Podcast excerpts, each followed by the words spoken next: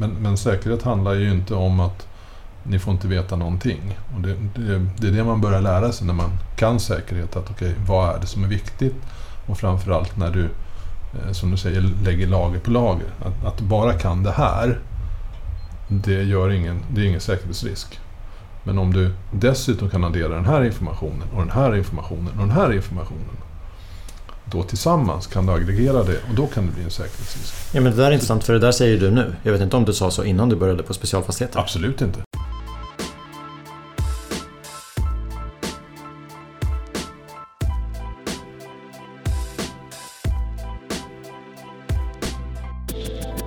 Specialfastigheter äger, utvecklar och förvaltar bland annat kriminalvårdsanstalter, ungdomshem, domstolsbyggnader och polisfastigheter. Det är speciella verksamheter som ofta utgör viktiga samhällsfunktioner och som ställer höga krav. Framförallt på säkerhet. Redan där väcks min nyfikenhet. För vad innebär de här höga kraven på säkerhet och vilka delar i projektkedjan påverkas? Lägg till att de även står inför väldigt stora investeringar de kommande åren och det blir ännu mer spännande. Min nästa gäst är chef för projekt och teknik på Specialfastigheter. Låt mig presentera Josef Guttenkunst. Från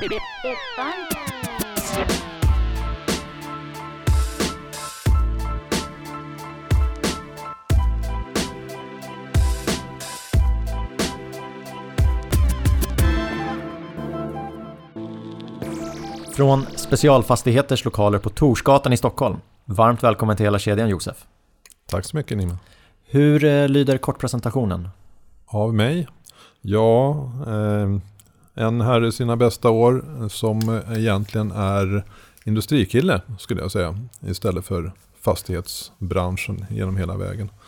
Eh, jobbar väldigt mycket med olika typer av industrier och kom väl in i fastighetsbranschen på ett bananskal egentligen en av mina tidigare beställare inom industrin hade gått över till fastighet och tyckte här kan Josef göra en skillnad. Honom behöver jag ha här.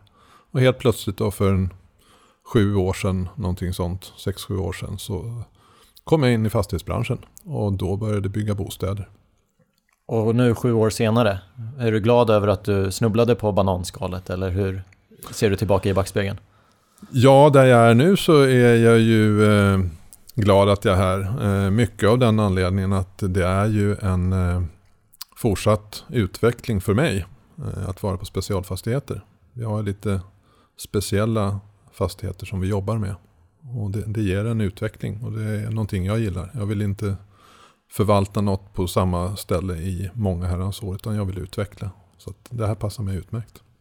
Idag så har du rollen som chef för projekt och teknik. Hur ser en, hur ser en vardag ut? Vad, vad arbetar du med? Ska jag säga allt möjligt från högt till lågt. Eh, mycket av min roll handlar ju om att eh, titta framåt, skapa förutsättningar, eh, en, en, miljö för mina medarbetare att kunna agera i. Och att det är de som gör det operativa arbetet till stor del. Eh, så det är klart att mycket av de här eh, strategiska, lite mer långsiktiga frågorna. Var står vi, vart ska vi någonstans? Hur gör vi det? Vilka förutsättningar, vilka resurser behöver vi skaffa för att vi ska kunna göra det arbetet när den dagen kommer? Det är ju en stor del av mitt arbete. Men det handlar ju också väldigt mycket om att stötta där vi är just nu. När mina medarbetare hittar en, en eh, eller kommer in i en situation där de inte riktigt vet eh, hur ska jag agera här eller hur kan man ta sig ur på det här viset så eh, ska jag också vara ett bollplank till dem. Att eh, försöka hitta den vägen och agera. Intressant med ditt svar att du pratar väldigt mycket om medarbetarna och, och team. För vi pratar om att chef för projekt och teknik. Så ditt svar hade ju kunnat vara mycket mer på detaljer.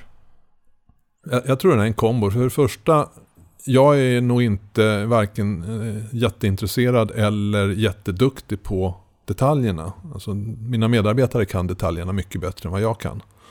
Ehm, och det är väl därför jag också sitter i den här rollen. Så att jag, den övergripande synen är jag ganska duktig på. Att eh, få ihop ett stort pussel då, och förstå hur olika delar påverkar varandra.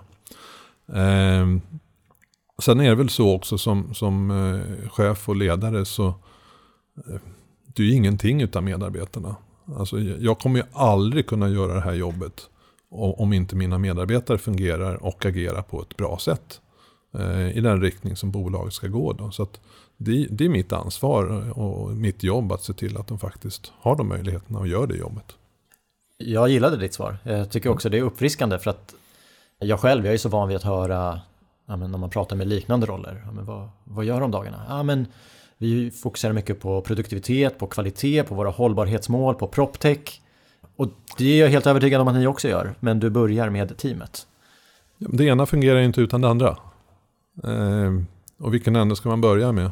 Jag, jag, fick frågan tidigt i mitt chefskap. Jag började som chef första gången 1995.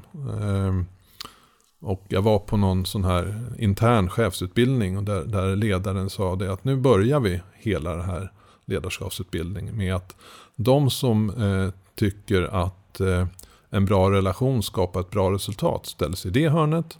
Och de som tycker ett bra resultat skapar en bra relation ställer sig i andra hörnet. Och det är ingenting som är rätt eller fel.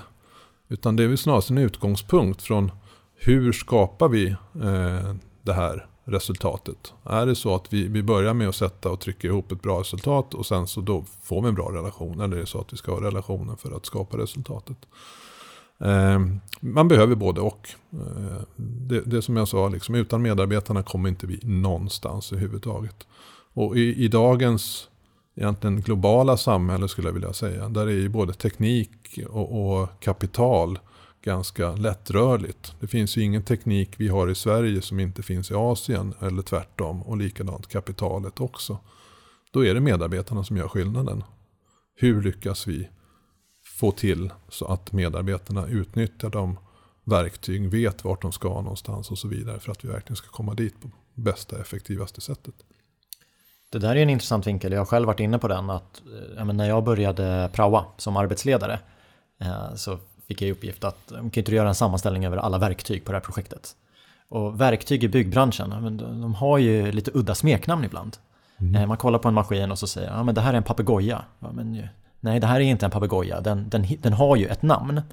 Och där och då så var jag ju så himla beroende av att springa in till min chef hela tiden och ställa de här frågorna. Idag tar jag upp min smartphone och så kan jag knäppa en bild och göra en Google bildsökning eller jag kan, om någon säger att det är en papegoja så kan jag googla på papegoja och verktyg och få se vad det är. Så information är tillgänglig på ett helt annat sätt jämfört med för bara 10-15 år sedan. Och då, ja men vad, vad ska chefen göra? Ska chefen ha sakkunskapen eller ska den entusiasmera sin omgivning? Jag känner att vi är i ett skifte. Men om du tittar tillbaka på din karriär, det här mindsetet kring hur du tycker att men, en, en chef ska vara som en ledare. Är det något du har lärt dig på vägen eller fick du den insikten tidigt innan du började arbeta? Nej, jag har nog lärt mig en hel del på vägen får jag säga. Ehm, jag, jag, eh, I mina yngre år, eh, innan jag blev chef, så bytte jag ju jobb några gånger på grund av att jag tyckte inte att chefen gjorde det jobbet som de skulle göra. Och då var det kanske inte i första hand ur ledarskapsperspektiv utan man gjorde saker som jag tyckte var, nej men det här är inte okej. Okay, utan man borde göra det här bättre. Så ur ett utvecklingsperspektiv av något vis, då, så jag förbättrar det här. Och så, ja, men det, där, det där jobbet skulle jag kunna göra bättre, så går jag in på det. Eh, sen 95 då som sagt så fick jag min första chefsroll och då kände jag yes, nu kan jag delegera så nu ska inte jag jobba mer än 40 timmar i veckan. Eh, jag var inte där varken före eller efter kan jag säga.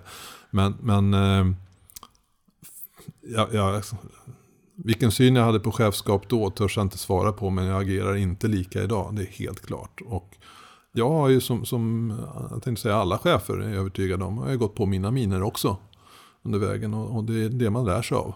Ehm, summan av alla misstag man har gjort eller alla smällar man gått på. Det är ju det man kallar erfarenhet.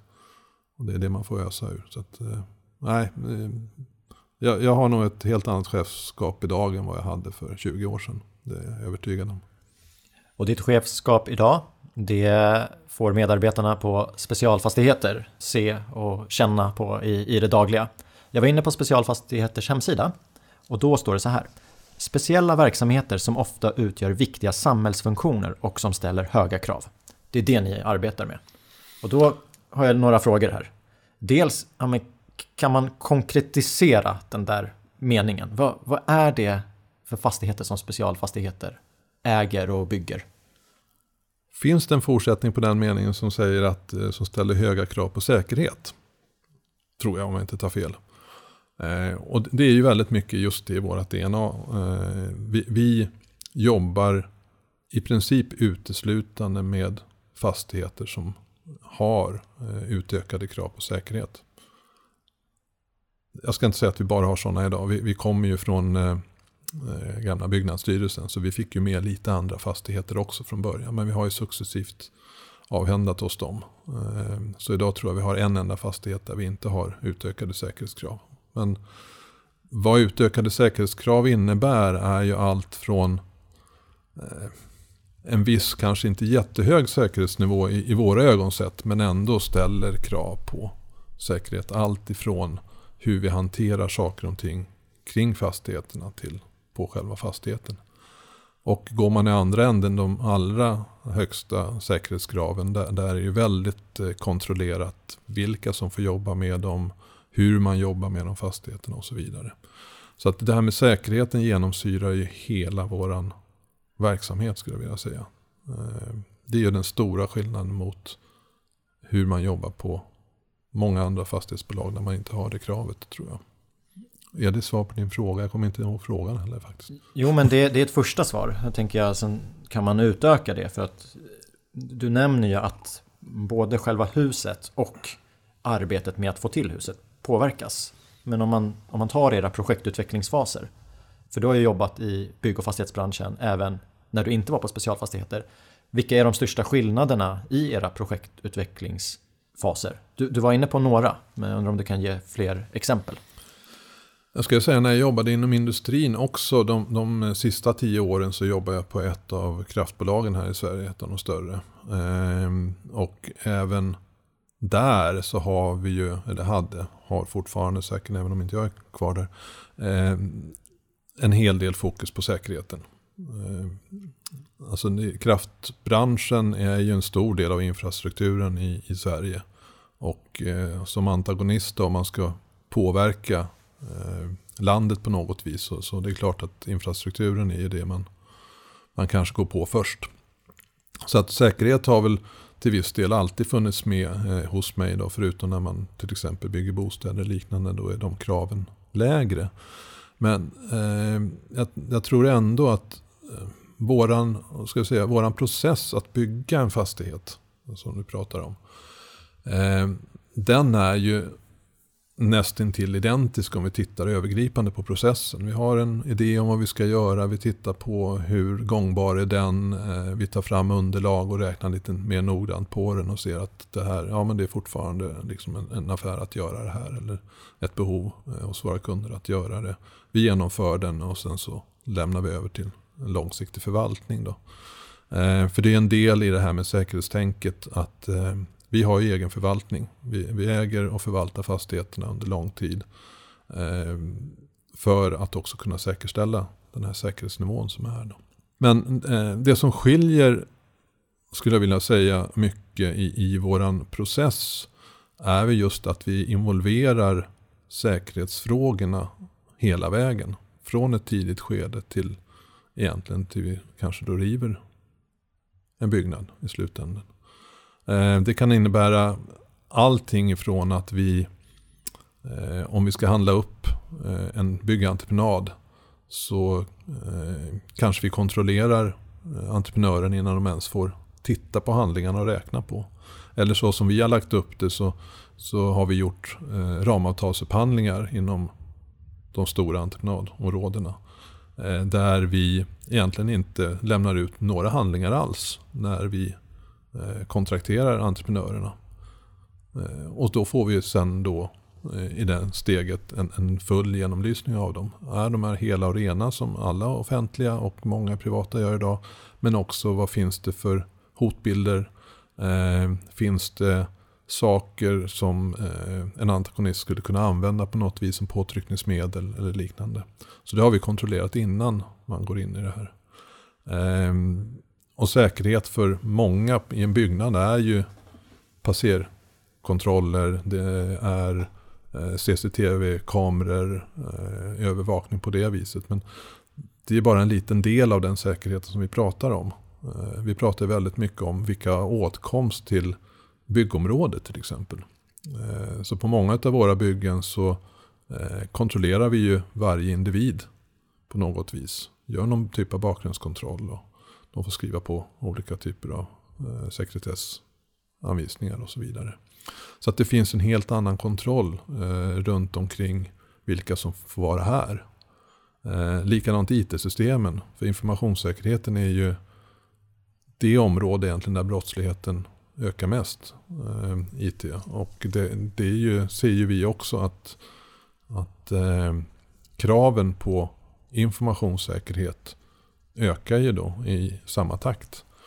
Så vi har ju byggt upp eh, IT-system för att eh, jag ska säga, vara så säkra som möjligt. Jag tror att vem som helst kan tränga igenom det mesta om man verkligen, verkligen sätter till resurser. Men eh, det är ganska stor skillnad skulle jag vilja säga mellan våra IT-system, hur vi hanterar dem och de kraven vi ställer på våra entreprenörer i de eh, byggnationerna mot vad många andra eh, företag, inte bara fastighetsbolag, har idag. Du nämner ju att eh, ni kollar alla som är på arbetsplatserna. Men det finns väl inte något byggföretag som säger att vi vet inte exakt vilka som är på våra arbetsplatser? Fast de i realiteten det, kanske inte vet, men, men utåt. Det, det är nog ingen som säger det, nej. Det är riktigt. Eh, det finns ju styrmedel, eh, alltså det, det mest kända i det 06 och, och de här loggarna. Du måste plocka in vem är det som har det här. Nu är det ett bättre system men det är ju fortfarande så att vi har många obehöriga på arbetsplatsen. Om vi tittar bygg-Sverige generellt. Det ser vi ju på de som är ute och gör arbetsplatskontroller. Deras redovisning. Det finns mycket personer på plats som eh, kallas då som svart arbetskraft. Eh, de kanske inte ens har eh, arbetstillstånd i Sverige. Så att de får arbeta här, är här illegalt på olika sätt och så vidare. Det är ett problem för branschen som helhet. Och jag ska inte säga att vi är helt fria från det heller. Men vi har några grader till av kontroller. Att folk kommer på plats. Kanske inte i första hand för att vi ska se till att det skattemässigt sköts på bra sätt. Även fast det vill vi ju naturligtvis också. Men här pratar vi om säkerhet. Vi pratar ju om fastigheter för myndigheter som har ett eh, skyddsbehov. Men hur intresserade är era branschkollegor? För eh, jag tycker ofta när man när det är en debatt och så säger man att eh, vissa byggföretag har inte koll på vilka som är inne på arbetsplatsen och när vi gjorde en kontroll så upptäckte vi det här. Och då får man ofta höra, ja men vi gör faktiskt så mycket vi kan. Och du nämner så här, men det finns några grader till. Och då tänker jag att ja, byggbranschen är ju ganska duktig på att när någon gör någonting bra, då blir det helt plötsligt möjligt för alla andra. Så nu vet, och nu vet inte jag hur ni kan ta emot studiebesök, men hade jag varit en ansvarsfull beställare, då hade jag varit jätteintresserad av att höra mer om hur ni jobbar. Ja, det här är ju en svår fråga därför att eh, allting är också kopplat till pengar. Att göra de här åtgärderna eh, kostar pengar. Och har du ett skyddsbehov så är du beredd att betala för de här eh, åtgärderna då som vi gör utöver. Har du inget skyddsbehov eller i alla fall inte anser dig ha något. Eh, då kommer frågan varför ska jag lägga ner den här kostnaden? Eh, och det är alltid en sån avvägning mot hur lång tid tar det, hur mycket kostar det, vilken nivå ska vi ha på till exempel och säkerheten. Så det är samma bedömning du får göra på eh, klimatperspektiv och, och, andra perspektiv också. Hur balanserar vi de här eh, olika parametrarna i, i, ett projekt för att vi ska få ut den, den mesta möjliga nytta för oss där vi står här idag. Nu säger ju du pengar och det är många som tänker det. Eh, det, det är inte så de är, vissa byggföretag motiverar att det inte går utan där är det att myndigheterna måste hjälpa till. Men vi kan gå vidare från den frågan. Jag, jag reagerade på två saker till. Det du nämnde, den här kvalificeringen av entreprenörer. Att ni kollar på med säkerhetshot och, och sådana. Om vi, om, om vi har en entreprenör som klarar era krav, det, är det någon form av prekvalificering men att man sen får kolla på ritningar och lämna in ett anbud? Eller hur, hur funkar själva upphandlingsfasen? Det skiljer sig beroende på vilket objekt det är. Helt enkelt. Eh, vilka krav har kunden? För det, det utgår ju från kundens skyddsbehov eh, när det gäller våra byggnader. Eh, vad har de för krav på, på eh, skyddsvärd het idé. Vad har de för krav också på som sagt, eh, inte minst i dagsläget, tidplanen? Eh, vi vet ju att eh, en av våra allra största kunder, Kriminalvården, har ett väldigt behov av, fler klientplatser. Ehm, och, då, då, är tiden en, en, betydande faktor i det vi bygger.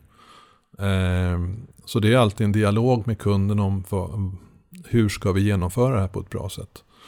Eh, hur pass mycket tryck ska vi lägga på tiden? Hur mycket ska vi lägga på kostnaden? Hur mycket ska vi lägga på det skyddsvärda? Och eh, jag skulle vilja säga att skyddsnivån är det ingen som kompromissar med. Det, det är inte ens att tvivla på. Men däremot så kan det finnas olika typer av upphandlingsformer eller tilldelning av, av de här eh, projekten beroende på just tid och kostnad inte minst. Då. Eh, så att det skiljer det sig helt klart. För många beställare så kan ju en upphandling se ut som att man, man, man tar fram lite rambeskrivningar på el och VVS och så har man några planritningar på A-sidan.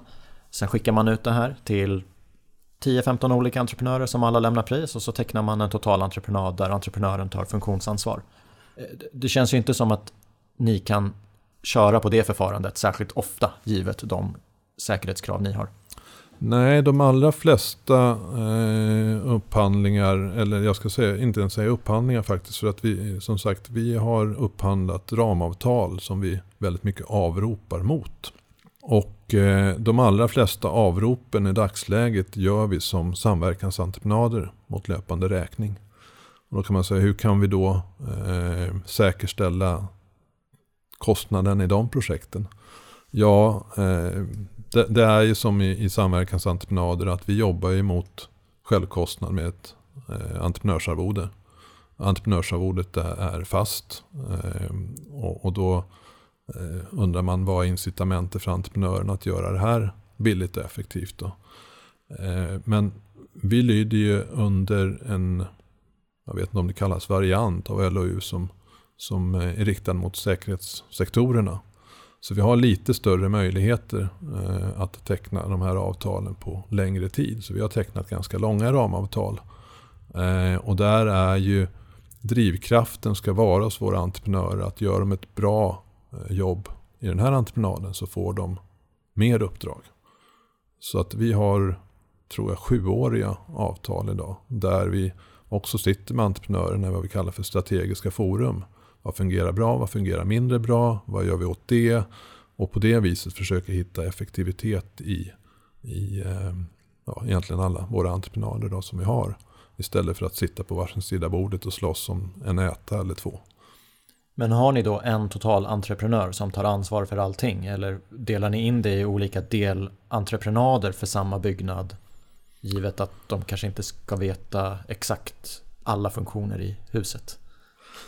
Ja, eh, vi, vi har ju eh, vi har en total entreprenör för eh, egentligen varje ska jag säga, program då, eller projekt, större projekt. Eh, vi brukar kalla det projekt, en del kallar det program när det är flera etapper involverade om man bygger eh, stort, omfattande som vi gör på flera ställen idag.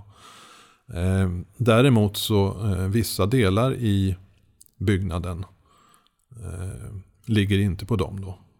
Det låter ju som en liten annorlunda roll för era projektutvecklare eller projektledare. För att det är ganska mycket lättare att bara ha en part som tar ansvar för all funktionalitet. Att olika system ska prata med varandra. Kontra med er då, om, om ni har flera olika som gör olika saker. Men systemen kanske ska prata med varandra. Det, det låter ju som en lite annorlunda typ av organisation. Om du, om du jämför med din tidigare arbetsgivare, hur, är det stor skillnad på projektorganisation från beställarens sida? Ja, det är det naturligtvis. Eh, jag tänkte säga att upplägget är inte så långt ifrån vad jag varit tidigare. Eh, vi hade ju på familjebostäder så hade vi internt eh, en IT-grupp också som jobbade med vissa system. Vi ställde krav på vad entreprenören skulle bygga in men de kunde inte själva ta ansvar för det för vi talade om vad de skulle bygga in för någonting. Eh, och sen hade vi, inte minst på styr och, och driftövervakning, så hade vi en sidoentreprenör som gjorde det åt oss. Då. Så det är ett liknande upplägg även här, skulle jag vilja säga. Att man har en gränsdragning mot sidoentreprenörerna som stoppar in tekniken. Eh, så det är inte så stor skillnad. Eh, däremot när vi jobbar i den här typen av samverkansentreprenad så kräver det ju att vi som beställare är med på ett helt annat sätt. Och inte minst när det gäller säkerhetsområdet. För det är ju få eh, entreprenörer som har en aning om egentligen vad, vad vi gör. Tänkte jag säga. Men, men de är inte vana vid att arbeta på det här sättet. Eh, med den här typen av teknik och vad det kräver, inte minst ur informationshänseende. Så där är vi ju med i en helt annan utsträckning än vad vi eh, var när vi byggde bostäder. Vi ska ju också veta det att eh, regelverk som BBR och så, de är väldigt duktiga på att specificera vilka krav har vi på en bostad eller på en lokal. Men det går inte att applicera på den typen av byggnader vi bygger. Vissa absolut, men långt ifrån alla. Så där gäller det verkligen att vi är med och talar om vilka krav har vi. Hur ska vi göra det? Eh, och eh, när entreprenören står och säger att ja men här har vi ett mycket bättre sätt att göra det på. Så får vi ibland säga det, ja men vad kul, då gör vi det. Och ibland säger ja men det fungerar inte därför att vi har vissa krav som gör att det där får ni inte göra. Utan följ anvisningarna. Och så behöver det inte bli någon mer diskussion där, för de behöver inte veta varför. Det känns ju som det här som vi brukar kalla löses på plats. Att det kanske inte är så enkelt hos er. Det behöver nog dubbelkollas. Lösas på plats är någonting som tar mycket, mycket längre tid hos oss än vad det gör hos någon annan eh, byggare skulle jag nog vilja säga. I alla fall eh, den erfarenheten som jag har. Pandemin är ju officiellt över nu. Men när, när den kom, där vid 2020, så var det ju, ja men först var det en chock. Eh, om vi bara fokuserar på byggbranschen, det var en tragedi om vi kollar på, på samhället. Men, men för byggbranschen var det en chock. Va? Va? Vad ska vi göra? Sen så här i efterhand så är det jättemånga bygg och fastighetsbolag som är glada för att det fick dem att ta ett tekniksprång. Man kunde köra projekteringsmöten på Microsoft Teams. Eh, man kunde börja jobba digitalt på ett helt annat sätt. Givet de säkerhetskrav ni har, hur har pandemin påverkat ert sätt att arbeta? Och det skulle du fråga mig som började här på Specialfastigheter efter pandemin hade brutit ut. Ja men du, du har väl hört hugget? Säga, ja, nej men, men äh, återigen där, vi har ju äh, våran IT-säkerhetsavdelning äh, som, som är en gemensam avdelning. De Ehm, sätter ju upp våra system för att vara så säkra som möjligt. Vi, vi har ju begränsningar i Eh, vilka av de här digitala plattformarna kan vi använda för möten? Eh, det är långt från alla vi kan använda. Vi har eh, två egentligen idag. Eh, varav det ena är ett eh, som är utvecklat specifikt just för att vara... Alltså man, man jobbar egentligen mot eh, typ samma kunder som vi gör. Eh, Endast och, och tagit deras säkerhetsaspekter i, eh, eh, så att säga, när man har byggt det systemet. Eh, så, så, att där har vi ju möjlighet att ha våra motsvarande då avstämningar. Fast på våra plattformar. Vi får ju till exempel inte ligga i molnet. Vilket är en begränsning till vilka system vi kan använda. Inte bara Eh, de digitala mötesplattformarna utan även andra system. Eh, vi, vi eh, har ganska god koll på hur vi ska sätta upp dem för att göra det svårare i alla fall för andra att tränga in i dem så att vi inte delar information onödigt.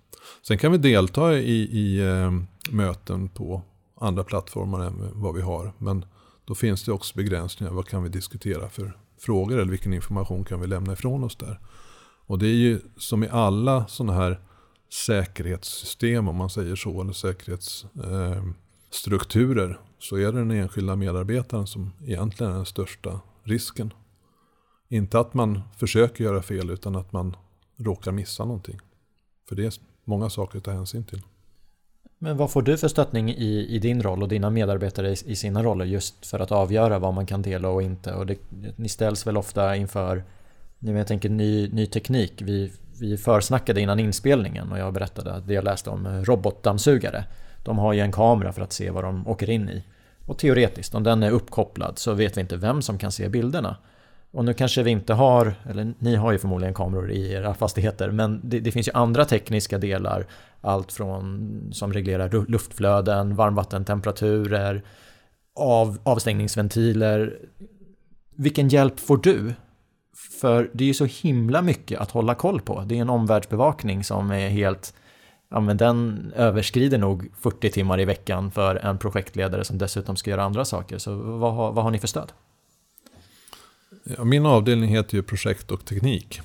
Eh, projekt, eh, där organiserar vi ju våra egentligen projektledare, de som leder och driver projekten eh, väldigt mycket. Eh, men vi har ju också det här som heter teknik, där vi har sakkunniga inom olika teknikområden och inom eh, miljö då, som en egen enhet också inom avdelningen.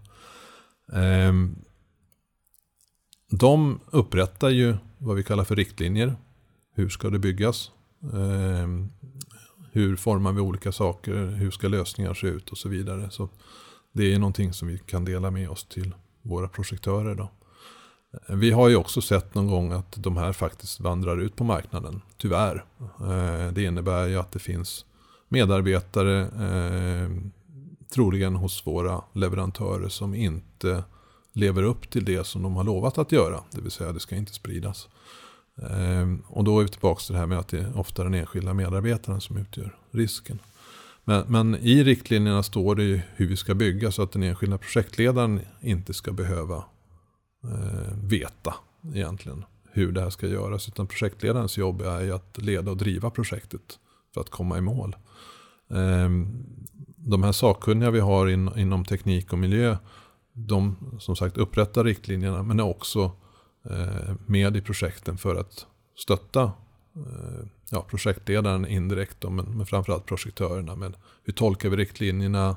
Eh, om det finns vägval att göra, vilken väg går vi för att det ska fungera här och så vidare. Så det är där mycket eh, kunskap sitter hos oss.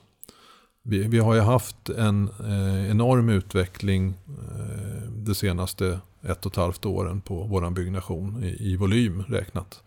Och jag skulle vilja säga att utan de här sakkunniga och tillsammans med våra förvaltare, tekniska förvaltare, drifttekniker som sitter på mycket kunskap ute vad som fungerar. Utan det så skulle vi inte kunna leverera det här på så bra sätt. Men genom att ta hjälp då av den här samlade kunskapen så så får projektledarna också den eh, så att säga, tekniska kunskapen eh, som de behöver för att kunna driva projekten i mål med rätt kvalitet. Men blir det som ett råd då? För vissa frågor tänker jag är rätt så svåra. Det var ju en diskussion i Sverige för några år sedan gällande 5G-nätet. Och Huawei de exkluderades från, från upphandlingen för man litade inte riktigt på att ja men, hur ser deras utrustning ut och kan kommunikationen åka vidare till annan part. Eh, alla var ju inte övertygade om att så är fallet, men ibland måste man ta ett beslut. Ja. Och jag antar att ni hamnar i sådana situationer rätt, rätt ofta. Så är, det, är det ett råd eller hur, hur, hur gör man? Ja, ja vi, vi har ju, alltså, nu är ju inte vi alls på den nivån som du nämner här. Eh, vi får ju ta beslut, men, men de här nationella besluten sitter inte vi på på något vis. Utan vi eh, jobbar även i de här frågorna tillsammans väldigt nära med våra kunder.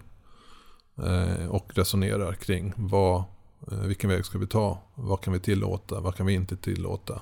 Eh, och det här är ett arbete som dessutom utvecklas hela tiden. Så det som Eh, var tillåtet och fungerade förra året kanske inte gör det i år. Och även tvärtom. Eh, för man ser ju på, på säkerhet och skydd på olika sätt vid olika tidpunkter. Hur stor hotbild finns det eh, just nu? Eh, och eh, vad är det vi tror att de kanske riktar in sig på om de skulle göra någonting. Så, så att det är ju ett eh, ständigt pågående arbete att diskutera de här frågorna. Jag tycker det låter jättespännande. Det är oerhört spännande och roligt. Men, men det ser vi också tycker jag i, eh, som sagt, vi, vi, har haft en väldigt utveckling de senaste ett och ett halvt åren. Och eh, projektledaren ligger som sagt inom min avdelning. Och vi har utökat, vi har mer än fördubblat på, på eh, ett drygt år. Och vi har inte haft något problem att rekrytera. Eh, och jag tror det ligger väldigt mycket i det här med att eh, det är en spännande bransch. Det är, är någonting som många inte har gjort och det är utvecklande för många att vara här och lära sig och förstå. Sen får vi in många också som, som faktiskt eh, har jobbat med den här typen av kunder tidigare. Det är klart vi, vi söker ju sådana eh, som har erfarenheten men det är begränsat antal som finns. Så att, eh, nej, det har varit väldigt intresse av att få jobba med den här typen av fastigheter skulle jag vilja säga. Och jag tror att det beror mycket just på att vi är hyfsat unika när det gäller säkerhetsaspekten. Ja, men det, det, det håller jag med om. Jag tycker också rollen eh, hos er det finns ju olika typer av beställarroller. Det kan ju vara allt från att du sitter med ett Excel-ark och har siffror som går ihop till att du är väldigt aktiv och behöver kunna vad är det för hus vi bygger och man kanske är lite teknikintresserad. Då låter det som en klockren arbetsplats. Du sa att ni har rekryterat, ni har blivit fler och eh, läser man de senaste artiklarna om specialfastigheter så slås man av två saker. Dels att det är en akut platsbrist hos flera kunder och också att specialfastigheter står inför jätteinvesteringar de kommande åren. Och jag har ju gått ut med att du ska gästa podden och då är det ju flera som har sagt så här, fråga honom om de här jätteinvesteringarna och hur de, hur de har förberett sig. Och jag tänker att det är där jag börjar. Hur förberedda var ni på att det skulle komma jätteinvesteringar kommande åren? Och vad har man då kunnat göra innan det kommer ett beslut att nu ska vi göra de här jätteinvesteringarna?